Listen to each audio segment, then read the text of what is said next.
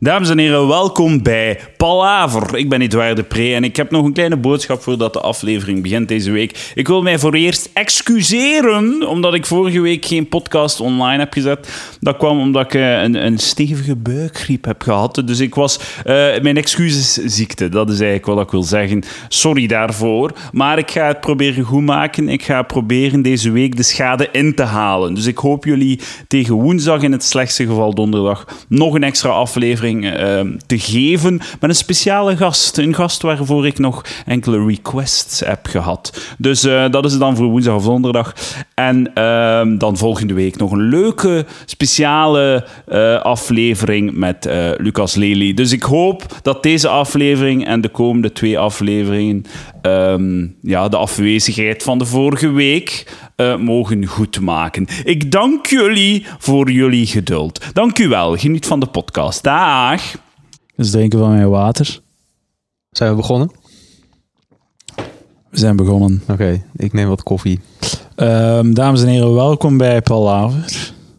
Ik ben Edouard de Preek. Ik zit hier bij Onno Lolkoma in zijn mooie What? atelier. Welkom bij een eh, dieptegesprek met de artiest genaamd Onno. Wat drijft hem? Wie is de man achter het kunstwerk?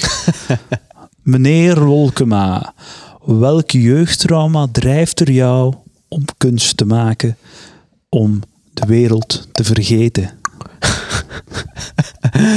Eh, het, is niet, eh, niet, eh, het is niet gebaseerd op een jeugdtrauma, want dat is er niet. Maar tenzij de, de gehele jeugd gewoon een trauma is. Eh, Ja, was jij graag jong? Was ik graag jong? Ehm, ja, natuurlijk wel. Maar ik had altijd wel eh, een soort van moeite om eh, eh, mee te gaan in de maatschappij. Op school en zo? Veel Ja, ik weet- door de leerkracht? Mm, nee, maar eh, ik weet nog best wel goed dat ik de kleuterschool al, al vrij vervelend vond. En dat ik daar liever niet was. Ik herinner mij daar praktisch niets van. dat hebben vaak mensen, die, ik weet het niet, maar ik weet nog gewoon echt veel hele heldere momenten dat ik dacht... En, wa- en wat? Dat ik je weet niks. werd, ik- dat je- nee, gewoon, ik heb niks met deze mensen hier. Ik weet, Ah, ja. ik weet niet, wel, ik, ik, heb, ik voel hier geen connectie en ik heb geen zin om hier te zijn. Ja, dat weet ik nog best wel heel. Tenzij dat eh Crea was, dat knutsel eh namiddag was. Nou, kleuterschool is vrij veel knutselen. Ik weet niet je... waarschijnlijk 80% knutsel. Voornamelijk dat. Ik heb geen kind in de kleuterklas, dus ik weet het eigenlijk. Nou, ik weet dat nog, omdat ik nog zo, zo levendig de kleuterschool... Heb je eh, veel jeugdherinneringen? Zo echt zo jonge jeugd? Want ik heb er eigenlijk heel weinig van. Ik weet zo dat mijn ouders alles vervelende. Alleen maar gewoon... Dat, al- ik weet nog heel lijfelijk dat ik me heel erg verveelde. In de kleuterklas. Ja. Nee, nee, gewoon weet ik niet. Maar ik, ik, ik, kan me niet zozeer een heel specifiek evenement herinneren, maar wel dat ik zat te, te prikken. Weet je nog dat je dat, die kaartjes moest uitprikken met Ja, ja, ja, ik vond dat heel leuk. Ik vond je dat leuk? Dat vond ik, dat vond ik heel leuk. nou, dan had jij de tijd van je leven daar natuurlijk. Maar ik, eh, ik werd ik zoiets echt zo van, nou, dit is, dit is echt gewoon, fuck dit. En terecht ook, wat een stomme oefening is dat. Ja, dat is voor eh, motoriek, handmotoriek te oefenen. Ja, maar dat kan ongetwijfeld op andere manieren dan... dan Met een dat schaar bijvoorbeeld. Maar ja, een bloedig eh, evenement. Ik vond dat zo leuk om daar zo in te prikken. Ja. Dat dat dan zo makkelijk losscheurt. Zo. ja. Er zijn toch weinig dingen zo aangenaam, Onno. Ja. Verbeter mij als ik fout ben. Als een papier dat zich zo heel gemakkelijk losscheurt. ja. Op de plaats dat je wilt dat het losscheurt. zo lijkt als je een papiertje, als je zo een blad in twee wilt scheuren, Mhm. via een lijn, op een lijn, op een rechte lijn, dat je dat dan 15 keer plooit en dan Ja. zo met je nagel over wrijft, Ja. om dat los te krijgen. En dan dat dat zo uiteenvalt gewoon. Ja. Eh, daar ben ik het wel mee eens, ja. Dat klopt. Er, zijn, er zijn inderdaad niet veel betere dingen. Seks, papier scheuren, heroïne. Ik heb nooit zelfs- heroïne gedaan. Jij? Je, je mocht zelf kiezen welke volgorde het is, maar het zit ertussen. Ja. Ik denk op papier scheuren op één. Zwaar goed. Heroïne heb ik nooit gedaan en seks ben ik een beetje vergeten inmiddels. Ik hoorde goede Ja, dingen is lang geleden? Ja, Het is overschat. het is te lang Het geleden. is overschat. Weet je wat je moet doen? Ladies out there. Luisteren, luisteren veel dames naar Ja, ja, ja, ja, heel veel dames. Heel Ja? veel dames, ja, ja.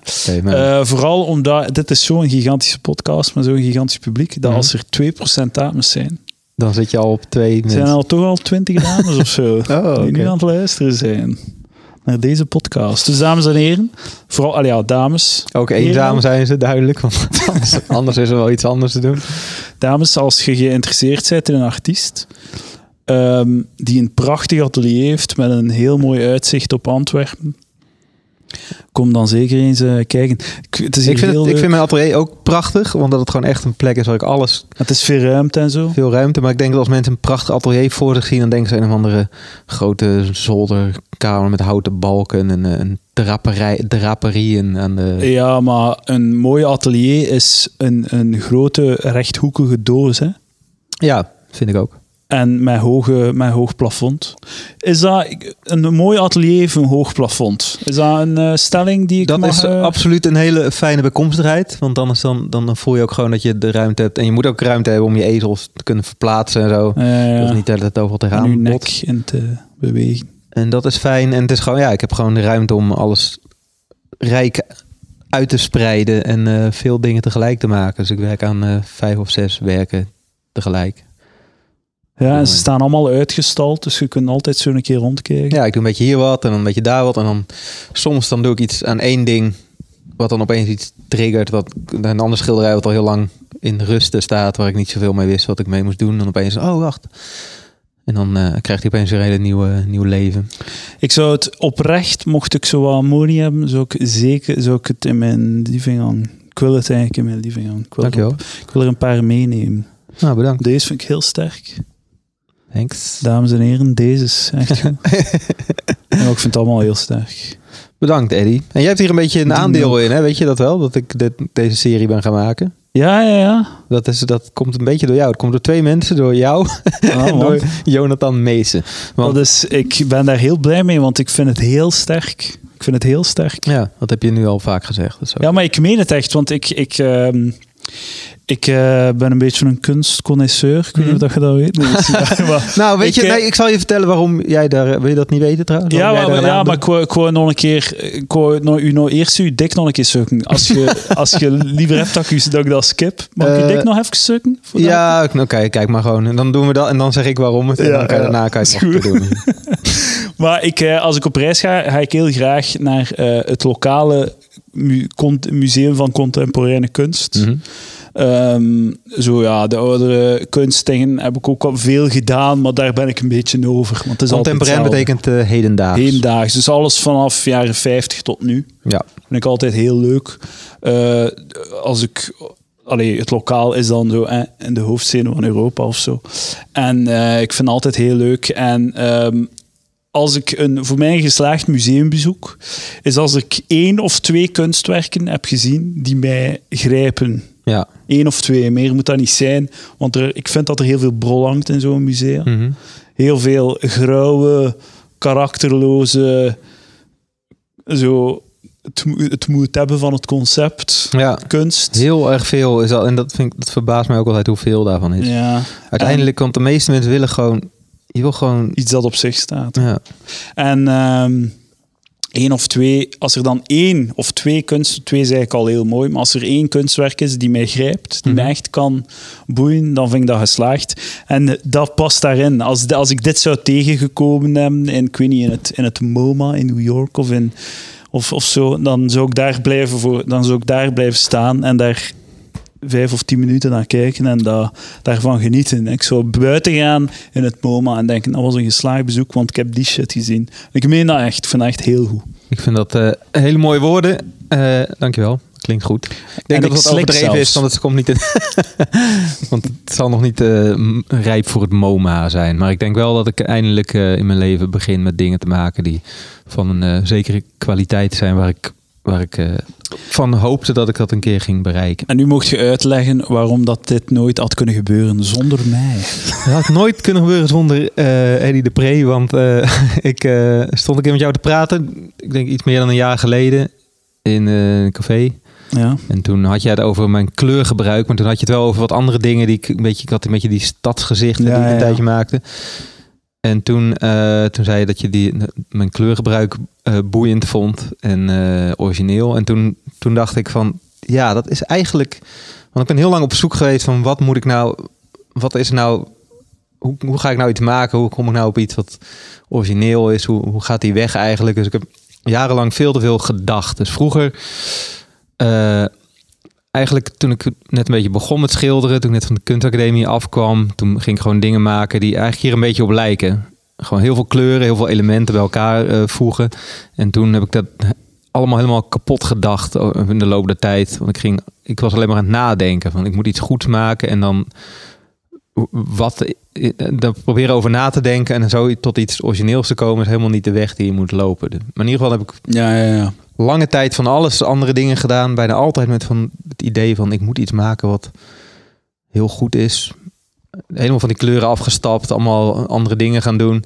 En toen na het gesprek met jou, je zei het op de juiste manier, op een manier van oké, dan wat, dat was een compliment die, die binnenkwam. En ook dat ik even dacht van waarom, dat maakten we ook, dat was ook gewoon specifiek voor mij. Ik had altijd een gevoel voor ja. heel veel kleuren door elkaar te doen en die, die, hoe die op elkaar afgestemd waren. Dus toen kwam dat weer los. Toen dacht ik echt van, oh ja, waarom maar dat ga is ik ook... daar niet weer gewoon aan antwoorden? En Ja. dus dat, dat was de reden. Dat Maar dat is ook omdat, ik zeg dat van, wat dat, dat van zo, als ik in, naar zo'n musea ga, dat is ook omdat, omdat ik alles heel grijs en grauw vind. En als er iets is met, met een goede, met veel kleur en een goed gevoel voor kleur, een goede balans in kleur en zo, dat, dat is heel zeldzaam tegenwoordig. Ja. En bij u, in die, in die werken die ik toen van u had gezien, zo een soort van, like dat daar staat, zo Ja.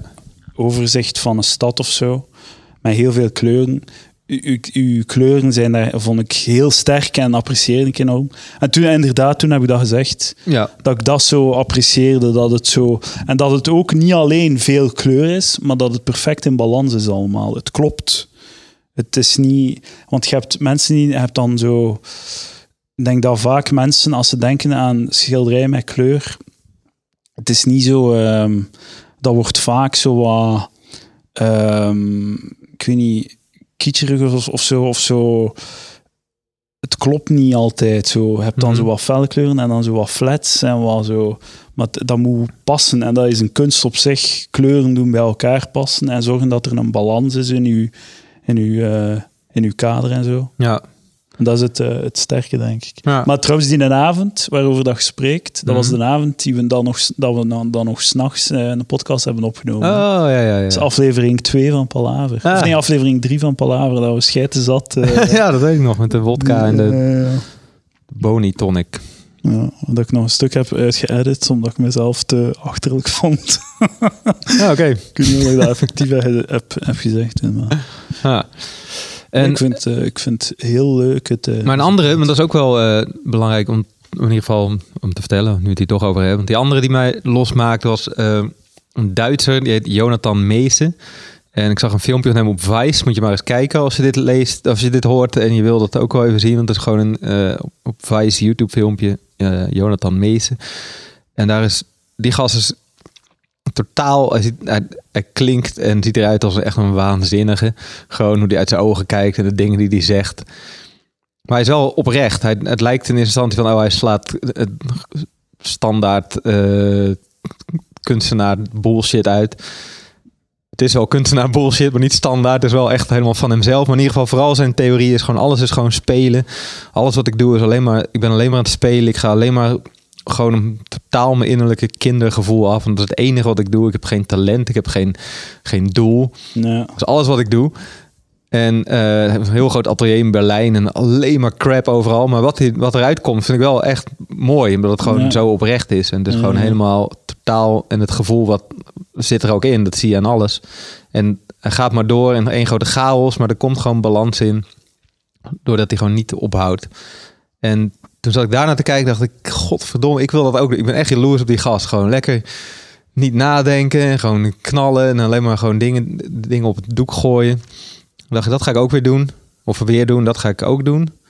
Kijken wat dat met me doet. Maar ik ben ook gewoon een, ik, absoluut een figuratief schilder. Dat kan ik ook niet laten. Ja, ja. Ah, wel, het is, ik weet nog, ik weet nog toen, dat, dat je toen ook zei van, dat het zo het, het, ehm, het, het, de, de- het detail, het, eh, het oog voor detail niet, allee, dat je effectief ook wat figuratief blijven en dat je graag, allee, zo het, eh, ik zijn niet realistisch, maar zo, ah, toch wel zo Ja, die elementen moeten erin. en zo. Ja. wilt je, maar, en, maar dat, sluit, dat, dat, zo gedurfd kleurgebruik en dat sluit elkaar niet Ja. uit. Nee, En precies. dat, dat, dat vind dus ik dat je dat nu hebt, wel het gevonden. Ja. Zo, eh. Maar- En toen ben ik dat dus gaan doen, maar op een, op een, eh, wel op een andere manier dan hij. Maar wel met de, precies dezelfde benadering. Gewoon echt, zodra ik even ga nadenken, dan gaat het mis. Dan loopt het alweer vast en zo. Als ik, als ik probeer te beredeneren waarom ik iets doe. Gewoon elke ding, als ik een halve, halve idee heb van impuls om iets te doen, dan ga ik het gewoon doen. ja. En dan wordt het allemaal chaotisch in eerste instantie, maar uiteindelijk dan ga ik maar door en door en dan breekt het door die chaos en dan komt er een balans in waar ik dan eh, eh, blij mee ben. En wanneer Dus- is de, de tentoonstelling? Nou, ik hoop heel erg eh, dat ik eh, de juiste mensen ga tegenkomen eh, waar wij die, dat wel willen exposeren. Begint te komen. Hier in, in Antwerpen zijn best wel wat goede galeries en zo. ja, cool. Maar ik vind de drempel wat hoog. Moet ik eerlijk zeggen. Om, even, je kan niet gewoon binnenlopen. Ja. hey, dit- mijn werk is dit. En wanneer kan ik hier hangen? Je moet het een beetje subtieler doen. En, vraag mij af, kunnen we dat niet doen? Gewoon met twee, met dat en met, met dat daar. En u, die twee daar bijvoorbeeld. Gewoon Mhm. binnenwandelen. Kijk, dit is, dit met- wat ik heb. Gewoon let- letterlijk Denk met dit. het fysieke Ja. schilderij. Dat zou wel eh, niet zo'n gek idee zijn. Waarom niet? Ja. Dan moet ik wel iemand... Kunnen ze niet anders dan naar kijken, hè, als, Ja. je, als je die bals op tafel legt. Ja. Want en ook, ja, pff, een foto doet het nooit recht aan. hè. Nee, helemaal niet. En eh, echt uh, in tegendeel. Maar misschien even een filmpje gaan maken of zo. Alla die gast, Jonathan Meesen. Nou ja, misschien, ja. Gewoon dat je erover over praat en een beetje in je atelier staat. Dat, dat is wel een manier om... eh, Ja, ja. Oh, nee, ik vind het goed. Ik vind ook zo, like, ehm, ik, ik, ik woon graag in een huis of whatever, met witte muur. Ja. En dan moet er daar kleur op, ha- op hangen. ja, Dat is, dat vind ik. dat is jouw ding. Wit, overal wit. Gewoon heel huis wit. En dan kleur aan de muur. Ja. Dat is mijn shit. En de, en de meubels dan? Ehm, dat is een goede vraag. Eh, aardse kleuren. Tenzij dat, ja, misschien hebben ze zo'n showpiece. De aardse kleuren gaan niet heel goed samen met felle kleuren. Dat is misschien wel waar. Nee, hot, hot. Dan kan meubels kunnen dan ook wel kleurig zijn. Ja, maar ik, dat weet ik niet. Ik weet niet of ik daar... Ja. Nu heb je, ik weet jou, eh, ik ben wel eens bij jou thuis geweest. Vrij veel donkergrijs. Ja, ja, ja, ja. Sommige mensen zeggen te veel. Te veel, ja. Ja, het is momenteel... Ja, Als we het over jouw inrichtingen... living is vrij... is niet zo een, een, rood, een rood tapijt, maar dat blijft dan bij. Ja. gigantische tv waar dan het meeste kleur van moet komen. ja. Maar ik heb daar een probleem. Ik heb nog wat werken van mijn vader die ik daar zou kunnen hangen, die ook heel kleurrijk zijn, like dat er in de keuken hangt daar. Ja, Maar dan moet ik in die muur zitten en dat is een heel ding om in die muur te zitten. Want jouw vader was een, eh, of is nog ja, altijd. ja, hij is, eh, En- maakt ook heel kleurrijke ehm, kunst. Ja. Allee, ik ben opgegroeid in een huis met witte muren en overal kleur aan de muur. Ja. echt overal, overal, overal. Heel felle, veel kleuren. Ook zo... Dat zijn ook de grootste teksten van mijn vader is zo zijn oog voor kleur en de balans van kleur en ehm, alle kleuren op één kader, maar toch klopt het en past het en dit en dat. En hij is ook eh, met een tandarts tegelijkertijd. Nee, nee, nee. Dat is jouw moeder. Man, dat is zo zot. Like, mijn moeder is huisarts, maar mensen gaan er altijd van uit dat mijn vader is. Dus als ik dan zeg, ja, mijn vader is kunstenaar. Ah ja, en nog arts ook. Like zo. Ik, ik dacht dat jij zei, ik werk bij, ik dacht het echt dat hij een tandarts was en dat jij zei, eh, ik werk, ik werk. Nee, maar ik, werk, ik, heb, ik heb gewerkt bij mijn vader Ja. met zijn, in zijn bedrijf of zijn zaak. En, eh, maar ik heb ook af en toe eh, in, in de praktijk van zo'n groepspraktijk van mijn moeder als huisarts Ah, een telefoon gedaan. Ja, kijk, want ik dacht dus dat jouw vader de arts was en jouw moeder degene die vreubelt met le- leuke kleurtjes. Dat over. Ja, ja, mensen gaan daar altijd van, ah, arts, ah, uw vader. Terwijl dat er veel meer, tegenwoordig zijn het allemaal vrouwenartsen. Ja. Allemaal. Allemaal, ja, maar ja, het is echt zo. zeg. Ja, ja. Nieuwe artsen zijn allemaal vrouwen. Maar ja, van Nou, die generatie is het omgekeerd. Ik heb, daar, ik heb daar persoonlijk niks tegen. Tegen artsen? Per een vrouwelijke arts. Ik vind Nee, het ik gewoon, vind dat moet dat gewoon goed. kunnen. Ik vind dat goed. Ik voel mij meer op gemak bij een vrouwelijke arts dan een mannelijke arts. Maar dat is Ja. misschien omdat mijn moeder eh, huisarts is. Ja. Mijn moeder had vroeger, ik had vroeger toen ik klein was, eh, een keer een, eh, een, een aandoening. Nou, vrienden van mij moesten er een keer erg om lachen toen ik het vertelde. Want het, eh, het was de hele tijd, ze wist niet wat met me aan de hand was. En ze dacht op een gegeven moment dat ik chronische reuma eh, had. Maar- moeder had, wie had wie Ik, dacht dat ik als kind dat had. Ik En was wie dacht dat? de, de artsen. en Ah, de eh, ja. ja. Alleen uiteindelijk, uiteindelijk kwam het er gewoon op neer dat ik gewoon geen zin had om op te staan. maar dat is helemaal waar, dat is te grappig geweest. Ik had, Maar ik, ik snap het volledig, want ik heb ook chronische reuma. Ik versta volledig wat je bedoelt. Opstaan, man. Hoe zou mij, als ik opsta, ze zou mij van een trap moeten zien gaan. Dat is echt zo stap per stap, me echt overal vastpakken. maar je hebt echt chronische reuma. nee, oh, je hebt gewoon geen zin wel. om- ja, ja. ja. 's morgens voelt dat zo. Ja. Ik heb ook geen zin om op te staan. Maar ik was drie of zo. Dus. Ah, ja. maar eh, Shit, joh. nou, oké, ik had bloedarmoede, dus te weinig ijzer en zo. Dus dat was wel een beetje de reden. Maar, eh, maar toen, mijn moeder vertelde toen... Het was de hele tijd... Ze wist niet wat het was. Dus we moest best wel vaak in het ziekenhuis. Moest een keer een paar, een paar eh, dagen blijven. En, en natuurlijk eh, moeder heel erg oversturen. had ze zo'n kinderarts. Het was een kinderarts. Een pediater. Een man. Ik vind dat dat zo wat creepy klinkt. Een pediater, is dat het? Ja, pediater. Ja, dat klinkt inderdaad creepy. Pediatrie.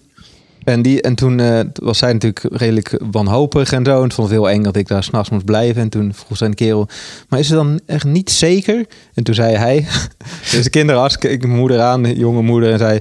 Niets is zeker, mevrouw, behalve de dood. Oh, love man. Heerlijk.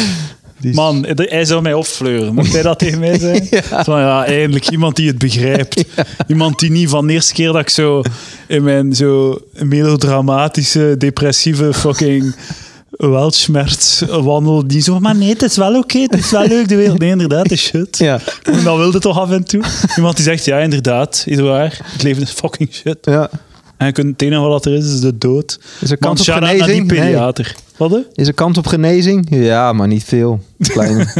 Maar ja, genezing. We gaan wel iets kunnen doen aan de chronische, chronische reuma, maar laat ons eerlijk zijn. Het is allemaal voorlopig. Je gaat geen leuk leven hebben.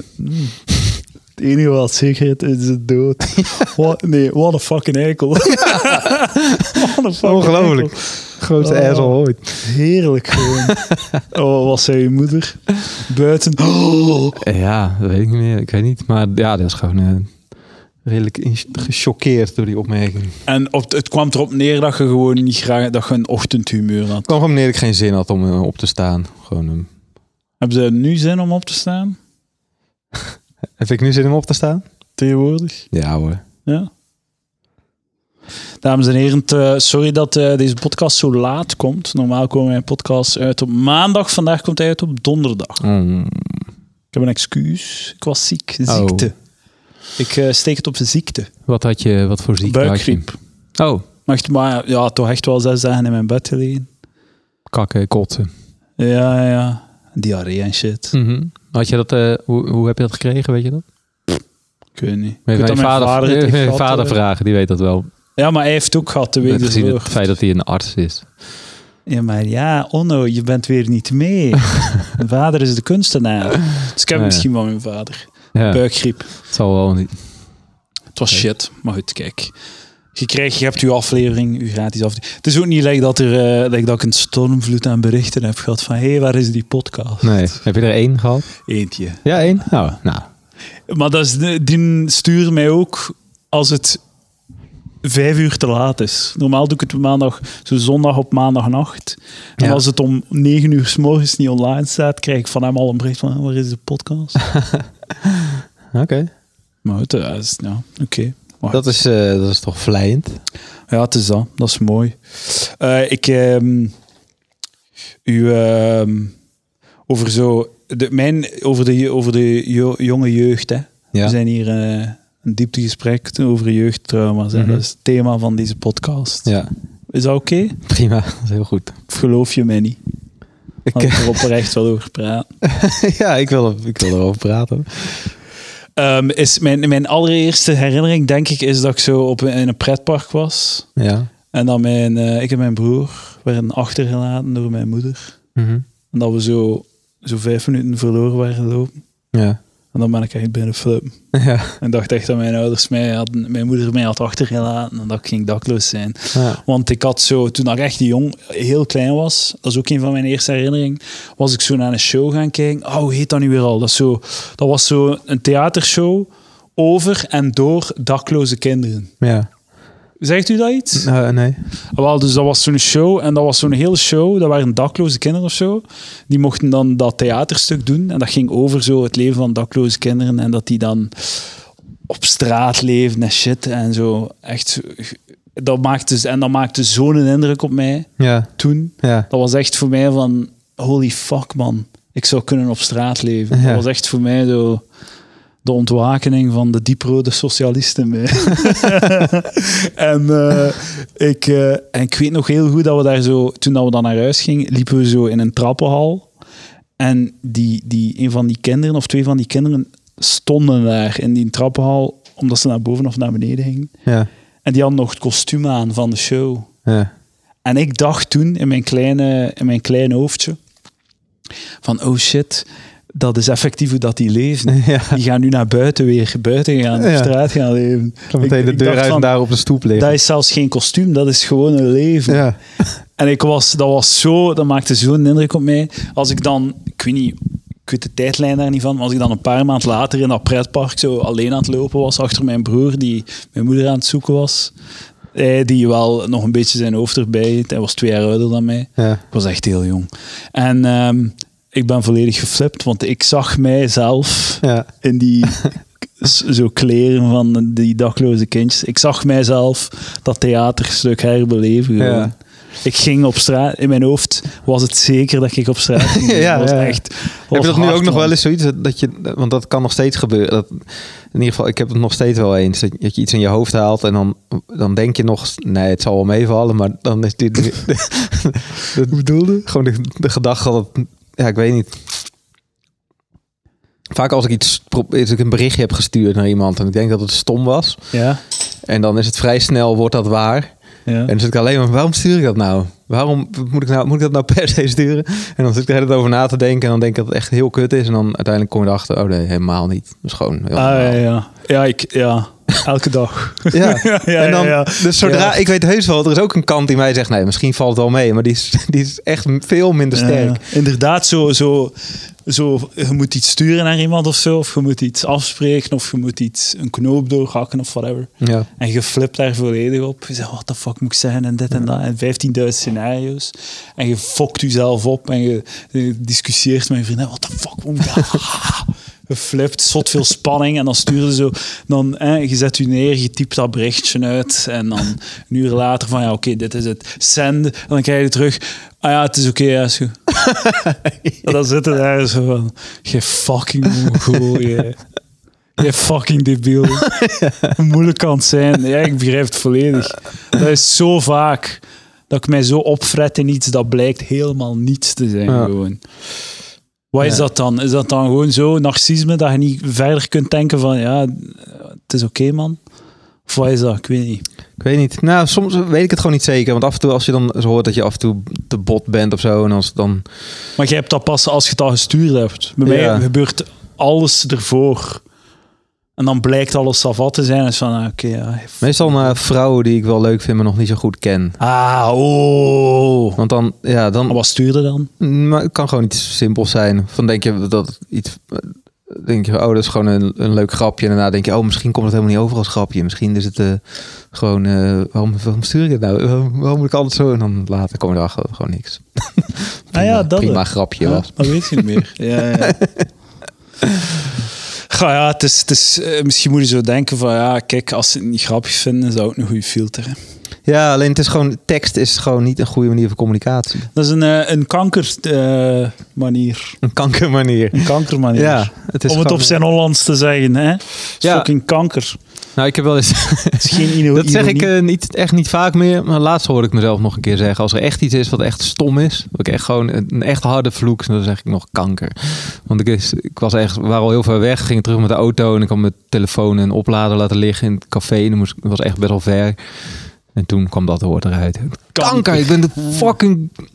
Vooral ook, ik weet niet, omdat iedereen weet dat, dan heel irritant was voor de rest ook op dat moment. Mijn, eh, mijn dieptepunt is denk ik dan, het, wat ik, ik dan spreek ik God aan. Oké. Als ik echt heel diep zit. En waarom? Waarom? waarom ik? Waarom weer al? Echt serieus? Weer al? Maar is dat een, dat is niet een beetje voor de grap? Nee, nee, dat evolueert dan naar... Tuurlijk. Tuurlijk. Tuurlijk, ik. Tuurlijk. Weer al. Tuurlijk. Wat had je En dan, wat had je gedacht? Hè? Wat hadden nu gedacht? Tegen mijzelf, hè? Wat hadden nu gedacht? Dat het gewoon ging oké zijn. Dat het gewoon vlotjes ging gaan voor een keer.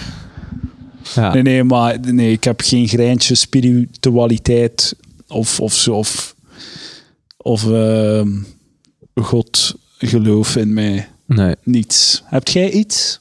Nee. Ook niet van ja, er is wel iets. Oh. Nee, ik heb alleen begin iets meer af en toe van ja, je kan niet zeggen dat het niet zo is, maar ik kan, maar eh, eh, Jawel, jawel het is, er is niets. Ik zeg je maar 100% duidelijk, met 100% zekerheid, Onno, er is niets. Er is geen God, er is niets meer dan het fysieke bestaan van de wereld.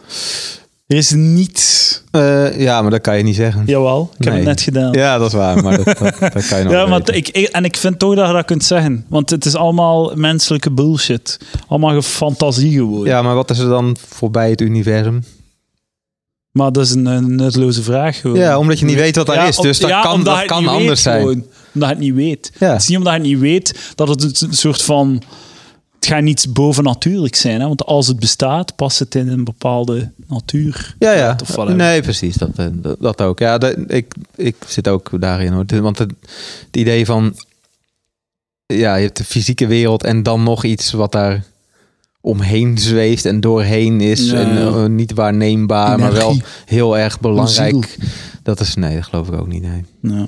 Het is alleen, ik vind het wel een uitdaging.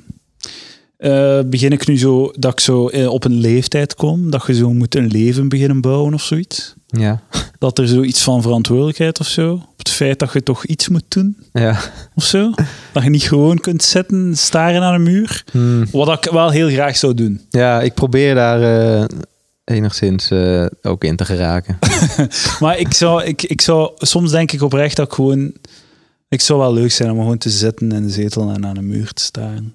Te bestaan, zo. zou wel goed zijn. Maar je moet iets doen. ja, je moet het doen. En ik vind het heel moeilijk omdat zo, ehm, het feit dat er niets is en dat het echt gewoon leeg is. Mhm. En dat er zo. Dat je eigenlijk. Dat dat, dat, dat geen zin heeft. En dat het gewoon one, diep. Niet, on, niet diep oneerlijk is, maar dat, dat eerlijkheid zelfs niet echt een, een, een reëel begrip is. Dat dat gewoon iets is dat wij uitvinden. Zo, er is geen eerlijkheid, er is, Ja. geen- er is niets gewoon, er is geen karma, er is, het is gewoon leegte, je zei gewoon en dan gaat het dood. Ja. Dat, het is heel, ik vind het heel moeilijk om daar dan nog zingeving in te vinden. Om dan nog een reden te hebben om iets te doen. Want Ja. eh, uiteindelijk, het, ja, het, ik weet niet, ja. Ik vind ook succes, het, het, ja, ik vind het allemaal zo random en willekeur. En, Dat is ook zo. Ja, dat vind ik ook. Je moet alleen, je moet, het, het doel moet zijn dat je je gewoon een beetje kan vermaken. Want eh, plezier maken is wel iets eh, wat gewoon bestaat. En da- als je dat doet, dan denk je van oké, dit, is, dit is wel cool. Dit, dit bevalt me wel. Toch? Dat zijn de Ja. momenten waar je denkt, ah, oké, nou is het wel, heeft het wel zin, dit, dit, het leven op dit moment. maar als je, te veel daarvan, als je daar te veel van doet, dan is het gevaar dat je zo dat je jezelf nog, nog meer exponentieel meer plezier afneemt in de toekomst. Ja, ja, ik bedoel ook niet dat je daar, maar die, dat zijn de momenten waar je wel, je moet dan wel op die moment even realiseren dat je het goed hebt. ja, zeg maar. Genieten de- van de goede momenten. Ja, het zijn de, het zijn de, de, de- de leuke momenten waar je, het, waar je het voor doet eigenlijk. Ja. En daar moet je het proberen met enige regelmaat eh, een paar van te hebben. Maar ja, als je, al- eh, als je alles op een hebt. rijtje hebt, gaat het ook haten. Hè? Ja, niet op een rijtje. Nee, de regelmaat is... eh, nee, je moet gewoon af en toe denken van... Oh, dit is, dit is wel lachen. Nu is het wel leuk. Dit is wel geestig. Ja, en nu dan zien we daarna alweer verder. Dat is, dat is een beetje wat je Ja, denkt. inderdaad. En af en toe moet je dan iets verder vooruit denken. Dat je ook later ook momenten hebt dat je dat kan zeggen. Alleen ik kan niet vooruit denken of plannen. Ik vind dat ook moeilijk. Ja. Ik vind dat ook moeilijk. Want het is zo wat... Eh, dus de- ik ben er zo, like zo, dat is iemand anders. Ja, ja Dat ben ik, ik niet. precies. Ik, waarom, zou ik waarom zou ik nu mijn middag opofferen om die een fucking eikel van morgen te? Ja. ik heb daar niets mee te maken. Maar wat Edouard van morgen doet in zijn leven, wat heb je daarmee te zien? ja, wie is die? Wie is die een fucking douche? Ik heb daar niets mee te Ja. maken. Dus waarom moet ik het opofferen dat hij het doet? Ook zo, ook zo onrealistisch. Die gast leeft alleen maar in de toekomst. Ja, die ah, pff, ga je dat toch niet meemaken? ik ga er niet mee zijn. Het is voor hem Ja. dat het doet. Ik ken zo'n comedian Brandon, Brandon Walsh, heet hij. Ja. Ken je die toevallig? Ja, die naam ken ik, ja. Dat, is ook, dat was ook de hoofdkarakter van 9 Beverly Hills 90210. Maar Ah, ja. dat is misschien voorbij jou- voor Nee, maar ik heb, van, eh, ik heb de comedian al eh, horen passeren op, op podcasts in. New York, denk ik. Is Maar hij het vertelde over zich- Eh, weet ik niet precies. Maar eh, hij vertelde dat hij, eh, hij, hij prankt mensen graag en best wel vaak. Maar daar hadden ze toen over in, een podcast. En toen zei hij, maar ik prank mezelf ook. Dan eh, bijvoorbeeld, dan ben ik dronken in de avond. En dan, dan weet ik dat ik vroeg op moet. En dan leg ik een, een muizenval op mijn wekkerradio. En dan, en dan zegt hij... En dan die avond heb ik echt, ben ik echt aan het lachen om die sukkel in de ochtend. En de volgende nog... Miep, miep, miep. Ah, fuck! En dan gewoon jezelf echt genaaid hebben. Dat is geniaal. Oh, heerlijk. Echt geniaal vind ik dat. En hij zegt, ik ben, zo, ik ben zo hard aan het lachen om die gast die de volgende dag daarin gaat trappen. En ik ben het. Dat is prachtig, want Ja. dat is ook hoe dat ik mijn leven inricht. Gewoon. Ja? Die een fucking eikel van morgen zal het wel doen. Ja. zal het wel ondergaan. Ik had vroeger ook zo'n vriend, is nog steeds een vriend, want ik zie hem alleen helaas niet zo vaak meer. Die- Goeie vriend dat. Ja, ja, nou, weet ik niet. Maar eh, ja, zeker wel. Eh, maar ehm, die, die kon me ook altijd echt verrassen, vermaken met iets op de muur tekenen ergens of zo. Of een klein dingetje doen. Je echt dacht, keihard moest lachen. En dat, dat was echt zo'n cadeautje die je kreeg. Want die ergens iets had Ah, neergezet ja. of zo. Een keer liep ik bij hem thuis. Hij woonde toen anti-kraak, een groot kantoorpand. En moest een stukje door de gang lopen naar de toilet. En toen lag er een klein papiertje in de gang. Midden in de gang. En een of andere echt een snippertje. En om een of andere reden ik zag dat er iets opgeschreven stond. Ik kijk zo dichterbij en ik pak het op. En wat stond erop? Hallo, ik ben een papiertje die in de gang ligt. Heerlijk. Bedankt. Bedankt dat je dit hebt. Ja, zelfs zo niet, eh, niet kunnen genieten van uw knal of zo. Hè. Hm? Niet kunnen genieten van uw knal. Wat bedoel je? Wel, hij knalt met dat papiertje, maar hij is niet eens in de buurt Nee, nee, precies. Het is gewoon, hij vindt het leuk om dat Eh, te doen. En ik, en ik heb echt een goed moment dat ik dat mee mag maken. Ja, het, eh, ja, dat is wel cool. En ja, misschien komt het gewoon in de vuilnis. Misschien gaat niemand het meemaken. ja. Maar ik kende niemand die dat soort dingen eh, kan verzinnen Ja, en in zijn hoofd haalt te gaan doen. Weet je wel. En, eh, dus dat, eh, ja. Goed iemand om te kennen. Zo iemand die dat soort rare dingen doet. Weet u wie dat ik wil kennen? Een, eh, een bepaalde man in het nieuws. En welke is dat?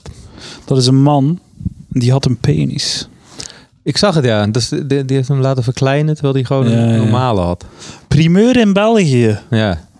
In België. Ja. En de rest van de wereld gebeurt heel vaak. Ja. Een normale penis toch verkleind. ja. Een 48-jarige Belg met een penis met een normale lengte, die bovendien perfect functioneerde, heeft in het universitair ziekenhuis CHU Luik toch een operatie ondergaan. Die fucking walen. Ze hebben dan een grote lul. De man wilde een maatje kleiner en kreeg dat ook. Het zou een Belgische primeur zijn. 11 centimeter in rust, zo'n cent- 16 centimeter in erectie. Dat is toch een prachtig leven. Dat is een, dat is een mooi lid. 11 in rust. Is dat niet keiveel? Hoeveel is dat in de lat hier? Nee, dat is, eh, ik, heb, ik heb dat ongeveer, denk ik. Ja? 16 in 16, stand. 16 in eh, stand. Ik denk dat dat ongeveer klopt. Dat is toch wel, vind ik geen mooie lul, hè? Dat is een prima, een prima lul. Moet je er zeker bij mij mee afkomen. Dat is een lul. kan je me midden in de nacht van wakker maken. moet je geen eh, operaties voor ondergaan. Nee. En die heeft hem laten man. verkleinen tot, wat was het? Dus eh, een medische reden was er niet. Hij had daar gewoon goesting in. Ja, ik, ik heb het toevallig gezien. En, en tot hoe klein is, hoe Wacht, klein is het dus ik ga het even lezen. Dus de man had geen erectiestoornis en zijn seksleven was bevredigend. Dus alles was oké. geworden? Ja. was gewoon wat te groot. Ja, dat gaat niet meer zo bevredigend zijn, zijn seksleven nu, denk ik. 16 centimeter is nogthans niet abnormaal groot. Het gemiddelde in Vlaanderen in erectie is 14 centimeter. ja. 14. Dames, haal die me- meetlat boven. en beoordeel uw vriend. Vanaf de schacht of vanaf, de, vanaf onderaan Van de boven, balzak? hè? Van boven, Oké. denk ik. ik heb altijd gelezen dat dat de correcte manier is om dick size te meten. Van boven. Al tien jaar zocht hij iemand die de operatie wilde uitvoeren, zegt chirurg Robert Adrian. Andrian, dat is ook een, een trotse dag voor hem dat hem nog eens in de krant staat. Zo'n stukje lul in zijn Zijn hand. penisreductie. We hebben de techniek voor hem uitgevonden. Want nergens stond beschreven hoe dit het beste kon bij iemand met een normale penis. Gewoon zo, op, nog nooit gebeurd. Ja. Na de operatie bleef er van het lid van de man nog 5 centimeter over in rust. En 9 in erectie. Van fucking gewoon gehalveerd. Ja. Bijna gehalveerd. ja. Zou jij dat willen, nu een lul halveren? Waarom zou ik dat? Nee, waarom zou iemand dat doen? Wat denk je dat hij? Raar, dat- man. ik denk dat hij misschien een statement wilde maken over het feit dat er zo gepocht wordt met de grote lullen en dat het zo belangrijk is dat hij zegt: ik voel me nog steeds een, een volwaardig persoon, zelfs als ik hem kleiner maak. Ik ben sterker van geest dan jullie allemaal. Zou dat kunnen zijn? Dat zou een, echt een big dick move zijn. Ja, Zo'n move kun je alleen maken als je een gigantische lul hebt. ja of, of gewoon eh, je, hebt een gigantische lul in je mind. Ja, Je hebt een gigantische lul in je hoofd. dat is misschien wel het, de ultieme sectie, hè? Zo, zo de houding en zo moven in ruimtes, lijkt dat je zo een big dick hebt, Ja, maar niet eens een big dick hebben. nee, sterker nog, je hebt hem expres laten verkleinen. Ja, ja. En je loopt nog steeds rond binnen dik swing in, alsof je gewoon de grootste Misschien heeft hij nu like, zo... Eigenlijk heeft hij de, nu de grootste lul op aarde. Ja. In spirit. Dat is big dick shit. Je lul laten verkleinen terwijl er niks aan de hand is. Dergelijke verkleining zou een primeur zijn in ons land. Er zijn al een handvol gevallen beschreven in onder meer de VS en Brazilië. Daar hebben ze ook de grote lul of wat. Ah ja, maar als je zo gigantisch lul hebt. Zegt Piet Hoebeke, uroloog van het UZ Gent. Daar ging het om extreem grote fallussen van rond de 25 centimeter. Dat snap ik dat je daar wilt in, in snoeien. Ja, zo'n een 25 centimeter. Zelfs heb ik... dan eh, hou je wel, denk ik, ze kunnen niet versmallen volgens mij. Dus het wordt Ja, dat korter. ook wel. Hij is Ja? ook versmalt. Oké. Ja. Ja. En zijn, zijn scrotum ook, omdat hij, hij houdt in balans. Dus dan ook, ook de eikel moet dan ook ingesneden worden en verkleind worden. Dat zal wel niet zijn. Dan heb je een te- zo'n rare dikke knop erop zitten. Eh. Maar ja, eh, is dat niet... Ik weet niet... Is dat dan niet zo een kleinere eikel met een gigantische... Zo stronk? Dat weet ik niet. Ik denk dat het alle variaties er zijn. Ja. Dus we zullen zijn lul moeten zien, hè. Zo Jij kijkt al heel lang geen porno meer, maar ik wel. En, Hij ziet alles op. nou, die, het is niet... Dat is iemand... Nou goed. We hebben het Ja. alweer aardig vrij lang over lullen. Dat is wel, dat is wel- wel goed dat het daarover gegaan is. Oh. zelf, dus eh, Piet Hoebeke, zelf heb ik de vraag één keer gekregen, maar ik ben er niet op ingegaan. Meneer Hoebeke vond het schandalig dat iemand zijn lul verkleinde. Dat is ook wel goed. De omgekeerde vraag of het iets meer mag zijn, krijgen ze in Gent vaker. Kun je je voorstellen dat je zo'n afspraak maakt met een uroloog van, zeg, eh je dat wat groter maken? Like, hoe beginde dat? Van, heb dus, ah ja, en je doet ook zo borstvergroot? Nee. Ah en, en wat kun je nog vergroten? Je oren? Nee, je oren? Nee. Hm. Dacht je van die lul? Dat gesprek wil ik wel zien. Ja, ik weet. Ik merk dat je gewoon... Dat, nee, die moet, dan- Maar ja, als je echt zo'n micropenis hebt, als je echt zo mega klein hebt, ja, als zo 2 centimeter in rust, ja, 4 in, in, in erectie, dan heb je echt een probleem, toch? ja. Dan zou ik misschien wel naar een uroloog gaan en check deze shit, man. Ja. Denk je?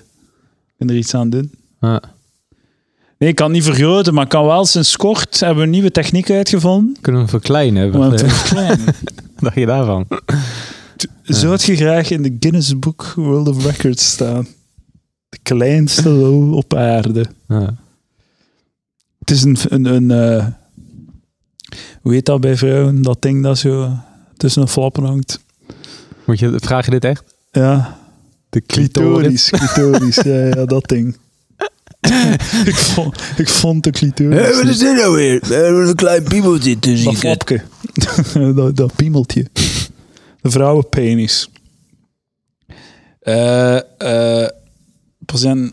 Ah ja, dus hier... ehm, Eh, dus of de man in kwestie geholpen is met zijn verkleining, betwijfelt uh, Hoebeke. Patiënten die iets normaals als abnormaals beschouwen en daarvoor een operatie willen, lijden vaak aan body dysmorphic disorder. Dat is een psychiatrische stoornis die met een ingreep niet verdwijnt. Met andere woorden, dat gaat niet helpen. Nee. Zegt meneer Hoebeke, dokter Hoebeke. Ja. Dus die heeft nu zijn lul verkleind en die gaat zijn broek open doen. En nu denkt hij, ah, is perfect. Maar binnen drie, vier jaar denkt hij, oh, had hij naar zijn lul een enorme bakbeest. Vrouwen. groot. Ja. Dat is wel bizar, man. Ja, raar. Ja. En voilà. Is er nog meer gebeurd in de wereld? Ah, Wel, dus niet. Het is de eerste keer. Nee, nee. Maar gewoon sowieso. Is er nog meer gebeurd? Eh, ja, in eh, China is er zo... ehm is wel crazy. Lijkt ze hebben zo een eh, soort van Big Brother sociaal credit systeem. Ja. Zo iets Facebook-achtig, dat ze je punten geven. Ja, dat... En als je zo associeert met mensen die veel punten hebben, heb jij meer punten.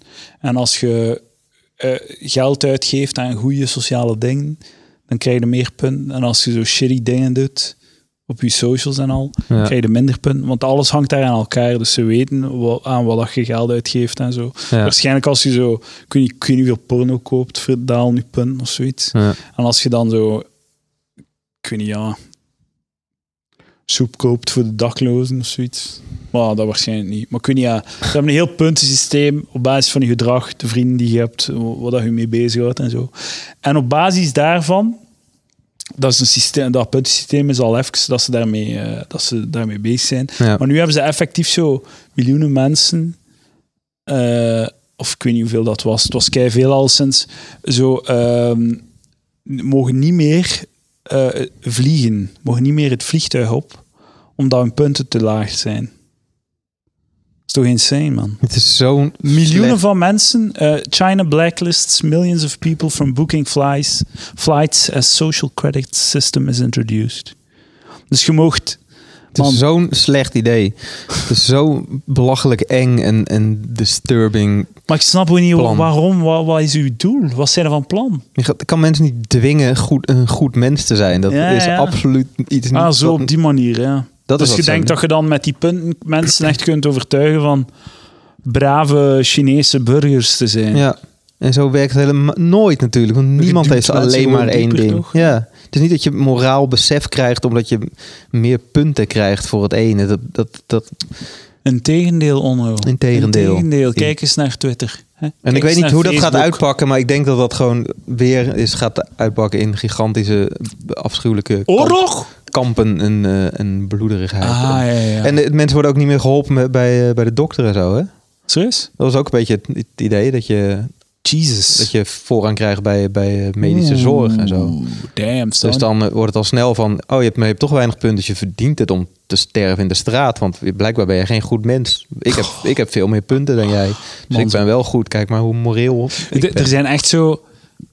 Kun je er zijn echt 1,5 miljard Chinezen. Zoveel?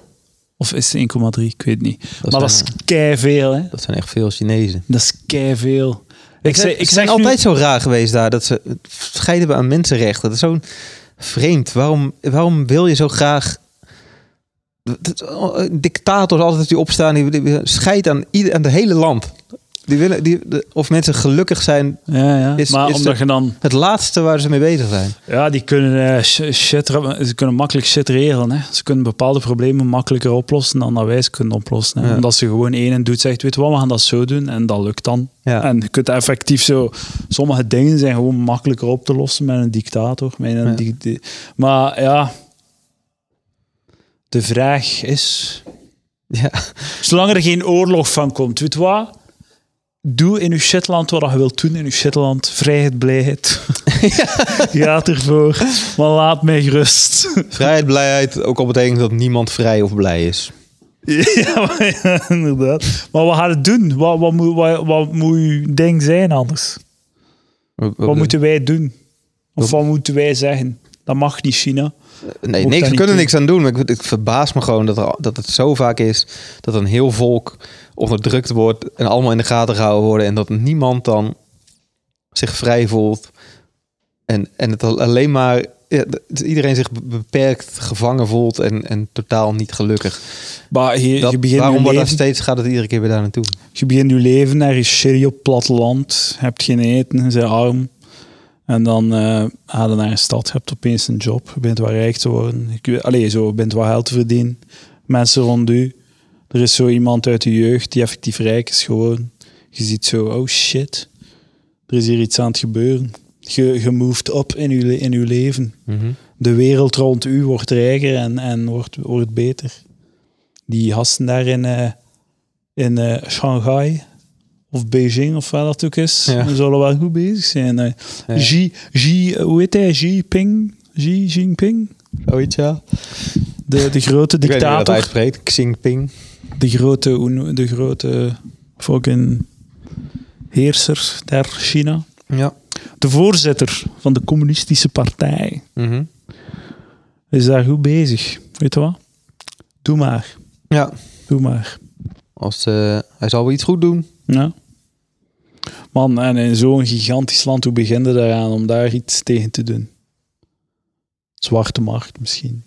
Je doet sowieso weinig tegen als het, als het die kant op gaat. Dan, eh, het volk gaat daar gewoon in mee in eerste instantie. En pas veel later realiseren van, oh wacht. Het is toch niet zo'n goed idee om zo iemand aan de macht te laten zijn. Maar nu is alles kapot.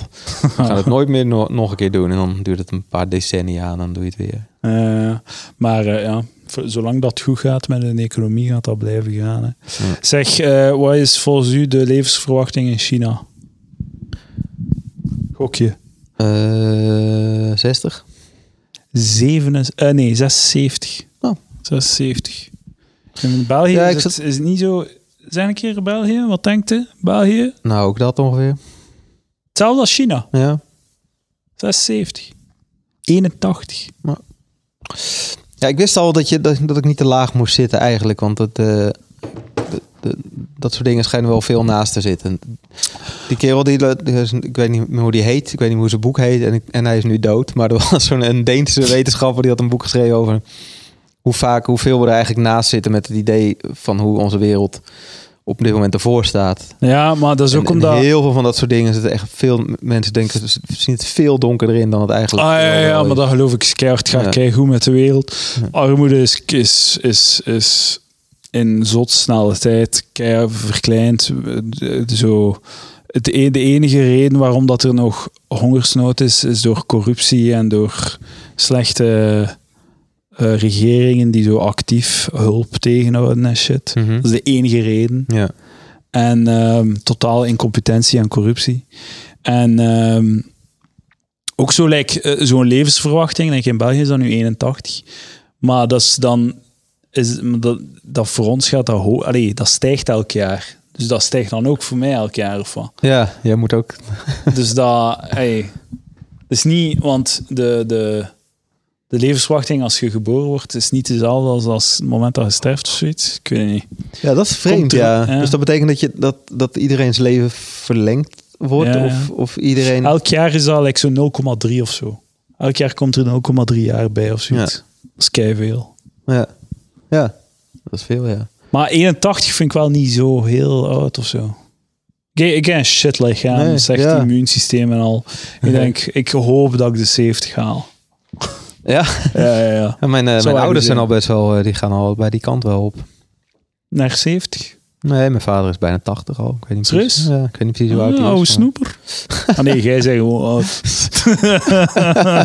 ik ben ook oud, maar wij, mijn ouders waren redelijk oud. Die waren altijd al... eh, Waren altijd oud? N- Nou, Ah, vergeleken bij de meeste eh, andere ouders van ah, eh, mensen van mijn leeftijd. Alleen nu, nu is dat gewoon heel normaal, zo oud als zij. Ik geloof dat mijn vader was, ik denk 39 of zo toen hij mij kreeg. 39. Hoe oud waren jij toen nog je uw dametje kreeg?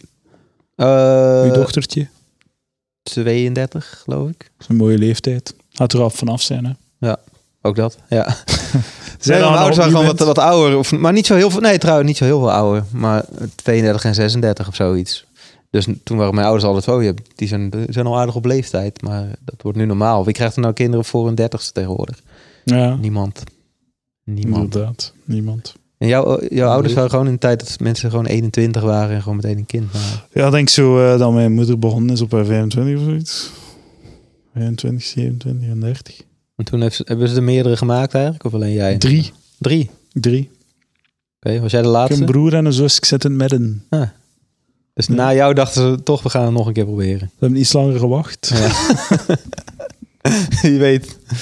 Wie weet. Je weet maar nooit. Misschien komt het deze Misschien keer wel. komt er effectief iets, iets, eh, iets schappelijks uit. Ja. Leuke mensen. Ga je de, ken je ze, ga je de, zie je ze vaak? Ja, ja, ja, leuke mensen. Ja. Wonen ze in de buurt? Mijn broer is eh, ingenieur en die heeft al kindjes en zo. Mhm. En mijn, eh, mijn zus is dierenarts in, in Duitsland. Oké. Net, als Ja. je, net als je vader. Ja, ja, mijn vader ook. Ze heeft allemaal mijn vader, het eh, dierenartschap. Ja. Voilà. Zo gaat dat. Nou, leuk. Dat is mooi. Dat is goed. Ik, ehm, heb, heb je nog iets, ehm, heb je nog een trauma uit je jeugd die je wilt, eh, Eh, die je wilt uitbannen, die je de wereld wilt insturen om mensen te helpen, een hart onder de riem te steken? Het leven is shit voor iedereen. Ik wil dat mensen dat beseffen thuis. ja. Het leven is fucking shit. Ja. Het is echt kut. Het is echt niet leuk. Nee.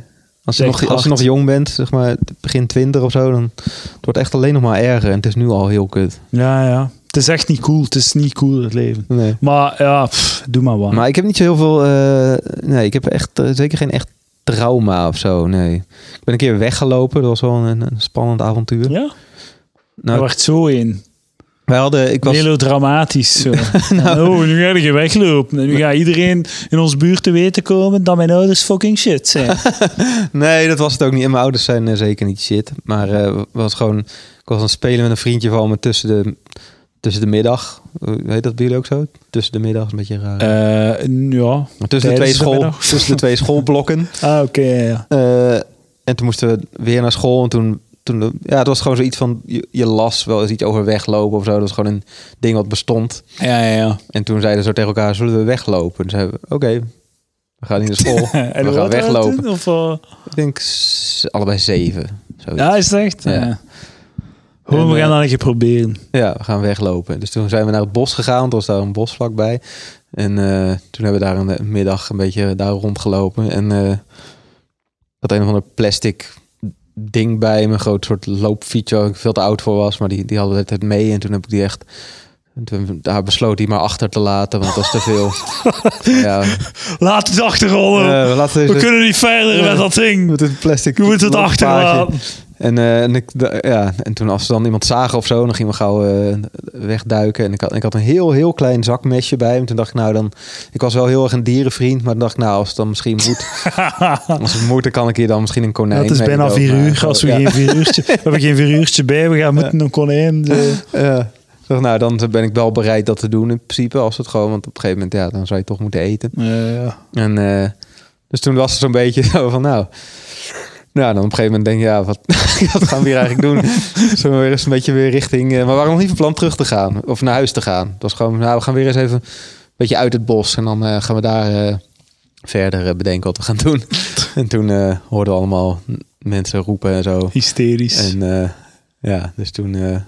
waren we aan het doen? Ah, we zijn weggelopen. ja, Waarom worden we weggelopen? Ja, dat was het gewoon. Maar we waren toch ja, best wel het bos in en zo. En het was best wel ver van, van, waar, van waar de school en onze huizen waren en zo. Dus ik kan me nu wel goed voorstellen hoe... Maar is de ouders? Nee, ja, heel bezorgd natuurlijk. Maar wel op een manier... Ik was wel op een manier zo toegesproken dat ik me daar heel lang heel erg voor schaamde. En dat ik dat heel erg vond. Ah, ja. Was gewoon wat een gevoelig jongen. Toen kwam bij mij echt hard binnen. Dat vriendje van mij, die, die, die kon nog wel... Ik weet niet, dat er volgens mij een stuk minder last van. Maar ik, ik liet er nog Ah, jaren ja. mee van... Oh, oh, ik echt niet dat ik dat gedaan had. Ja, zo erg was het ook weer niet. ja. Maar ik kan me nu goed voorstellen, dat, dat vergeten mensen vaak. Dat eh, als je, het is een beetje iets anders, maar toch, als op internet al die commentaren onder YouTube, die blijven gewoon verbalen, geweld de hele tijd en de meest verschrikkelijke dingen die gezegd worden. Mensen vergeten vaak dat dat voornamelijk kinderen zijn die dat zeggen. ja en helemaal niet voelen wat het is. 13 jaar Ja. gewoon. Dan ben je nog, dan kan je nog helemaal niet empathie voelen. Je weet niet wat dat is. En het kan je niet eens uitgelegd worden. Dus dat, dat vergeten mensen vaak. Dan zeg je de meest verschrikkelijke dingen. Ja, toen Ja, ik 14, tuurlijk. 15, 16. Dan ga je dingen kapot maken op straat om dingen. Ja, dan- Ja, gewoon tuurlijk, vervelend doen. En, en, eh, en dat, ja, dus dat vergeten mensen best wel vaak eigenlijk. Ja, inderdaad. En zeg, waar gaat het allemaal internet. naartoe? 90% Ah, is niet zo. Internet is zo racistisch. Nee? Ja. Het zijn gewoon puber, zijn, zo pre-puberale eikels die zo ontdekken wat dat woorden zijn. Ja, Of zoiets. ga je dat zeggen? Ja. ja ik was ook een asshole toen klein. Ja, dan ging we- de eerste keer dat je ontdekt dat je met je vrienden op straat kan hangen, ja, dan ga je dingen kapot maken. Dat is gewoon een, een onderdeel daarvan. Dat vind je spannend en je denkt nooit van, oh, en die mensen dan de volgende ochtend Ja, als ze dat zien, is dat. Een beetje een stukje krapul, eh, meneer Lolkema. Ja, Ik was daar veel te angstig voor. Ja, Dat was mijn, mijn ouders hielden mij kort bij de, kort aan de, aan de kort aan de teugel daar op, dat, op dat vlak. Eh, ja, ze kon niet. het- Ik weet niet. Ja, nou ja. Ja, maar je kan toch als was je niet s'nachts buiten soms? Nee, nee, nee, nee, nee, nee, nee, S'avonds. nooit. Nooit. Nooit, nooit, nooit.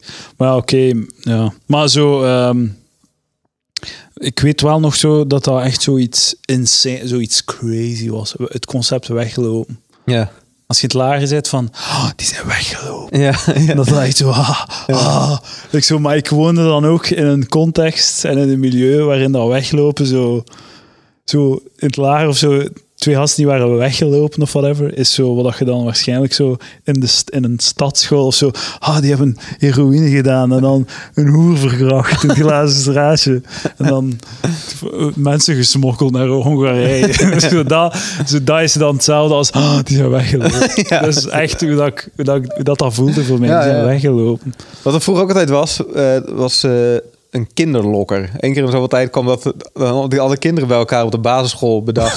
eh, in dit, dat bosje daar zit een kinderlokker. En dan was dat gewoon waarheid natuurlijk. En dan, nee, je moet niet toe gaan, er zit een kinderlokker. Dus had je, in je, ik weet niet wat het was. Dus in je hoofd had je helemaal door van, helemaal bedacht wat, hoe dat er ongeveer uit zou zien. En in mijn geval zag ik een soort man met een lange jas en een gleufhoed op. En dacht van, die zit daar waarschijnlijk in het bos de hele tijd kinderlokker te zijn. Wat hij ermee gaat doen, weet ik niet. Als en dan zit dat allemaal in, het, in hun kinderhoofd. Die gaan er allemaal mee rond. En voor je het weet loopt er iemand voorbij die in, in hun hoofd lijkt op wat ze in hun hoofd hebben bedacht. kijk, Hey. Die gast is een kinderlokker. en dan voor je het weet ben je gewoon... Je woont daar gewoon in de buurt. En dan gaan... En voor je het weet zeggen al die kinderen dat je gewoon dat bent. Als je zo'n goede kinderlokker wilt zijn, moet je zo je anti-kleden. Dus dan moet je zo kleurrijk, zo versje met zo skinny pants die zo wat boven je enkels komen en zo kleurrijk, zo eh strikje zo en dan zo met een, een paraplu zo. Hey, oh, oh. En je hoed afzetten als je iemand, iemand Ik heb tegenkomt. videogames voor jullie. Hier. Cartridges van Nintendo. Nee, ik was heel braaf. Ik was heel braaf. Oké. Maar ik, ik eh, ja, de lat lag laag voor op je donder te krijgen, denk Ja? ik. Misschien was dat. eh. Wat Ja. voor manier eh, ging dat dan? Ja, ik weet het eigenlijk niet. Sof al wel. Allemaal oké. Ja. Maar ik kreeg klappen.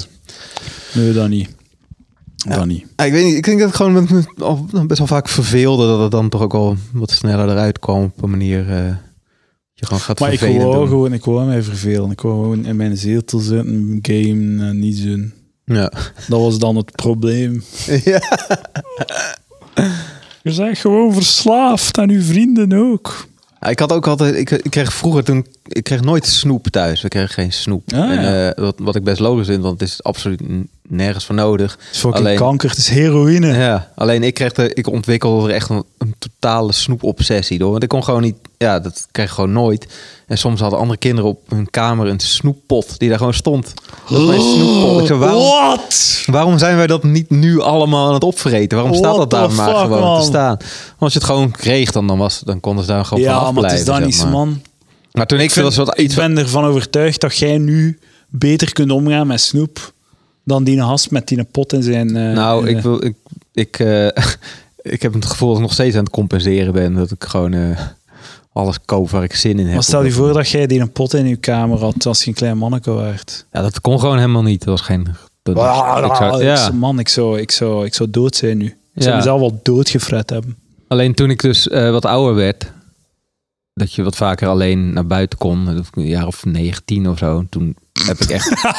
ik vind het zalig. Toen ik dan eh, eindelijk zo wel op mijn eigen po- zo wel, hè, kon bestaan en naar buiten. En toen ik 19 was, kon ik eindelijk naar de 9, snoepwinkel. 9 à 10. Dan kreeg ik, eh, ja, kreeg ik 20 frank van mijn ouders. Ik naar de snoepwinkel. En, Nou, toen ik een jaar of 9 zo 9 was, of, 10. of ik 10. dacht echt dat je 19 had. Toen ging ik echt helemaal los gewoon. En, en, en, eh, een beetje geld stelen bij mijn moeders portemonnee. En heel veel, echt een diefje. heel veel snoep kopen. En dat allemaal opvreten. Dat je doodmisselijk was en zo. Dus dat was... Je was eigenlijk een amoreel stuk stront. Ja. Ik kreeg 20 Dus, frank. omdat ik onthouden werd van die dingen. Ja. Ik kreeg 20 frank of en later 40 frank. Dat was een mooie dag. dat we overschakelden van 20 naar 40 frank. Maar ja, dan ging ik naar de, naar, gingen we, ik en mijn broer samen te voet naar het snoepwinkeltje op 150 meter of op 200 meter. Mhm. En dan kocht ik een zak vol rode veters. Ja. Van die rode slingers. Ja. Omdat ik, ik, had, ik had besloten dat dat de beste, dat dat mij de meeste suiker per euro gaf. ik dacht, dat, is, dat was één frank of zo, een veter. Ja. Of, of zo- zo'n sliert zo, hè. Mhm. Of twee frank, ik weet het al niet meer. Tien van die veters, Ja. van die sliert. Jeez, man. Ik zou dat beter nog een keer doen. ja. Is er een snoepwinkel in de buurt? Gaan we samen naar de snoepwinkel? Is goed? Nee, ik ga het niet doen. Ik moet op mijn lijntje letten. Oké. Ook goed. Eh dankjewel, Onno. Wil je reclame maken voor iets? Eh, nee.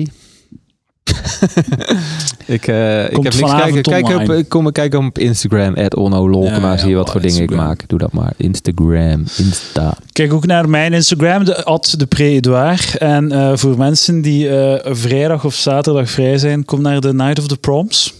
Al waar ik in het eh, Sportpaleis op de Night of the Proms eh, de eh Al McKay's eh, Earth, Wind and Fire Experience ga aankondigen. Oh, oké. Ja, ik mag Earth, Wind and Fire aankondigen op de Night of the Proms. Maar niet echt Earth, Earth Wind and Fire. Ja, het, het is, eh, die een Al McKay heeft in Earth, Wind and Fire gezien. Ah, oké. Een beetje wel eigenlijk. En in het Engels ga je dat dan doen? Nee, Nederlands. Het En- is een heel ding. Ga je dan eh, moppies grappig proberen te zijn? Ja, eh, ja. Oké. Dat is wel moeilijk, want als mensen het niet verwachten, de comedy, dan wordt het wel... eh, Ja, oké, maar dat gaat, twee, dat gaat een, een 30 al- seconden aan een minuut grappig. Dan wat muziek en dan, dames en heren, Earth, Wind and Fire. Ja, Dus als je dat wilt zien, dames en heren, ik wil dat zien. Ik ga er naartoe. ik ga dat niet op je YouTube zetten of zo. dan kun je vrijdag of zaterdag naar de Night of the Proms komen. Kom vrijdag en of zaterdag naar... Ik ga allebei, dat weet ik wel. Naar Night of the Proms. eh, en zie je eh, Er zijn nog tickets. Eduard. Ze hadden eh, mij beter op dat fiche gezet. Ja. Hè? Dan waren er geen tickets meer. Oh, rap gedaan geweest. Of als je het wilt, als je wilt zo het meemaken van op een afstand. Ik zal wel wat shit op mijn Instagram stories zetten. Ja. Van mijn avontuur met Earth, Wind and Fire. Ja, nou, dat, het is- Sportpaleis. daar kunnen we allemaal alleen maar naar uitkijken. Dankjewel, Onno, Graag gedaan. Was voor eh, dit mooie decor ook. Ja, wat niemand ziet. Maar kijk maar op Instagram, dan kan je het een beetje zien. Ah ja, dan kan je de mooie kleurrijke schilderijen zien. Dankjewel, Onno. Graag gedaan. Tot de volgende. Bedankt dat je er was.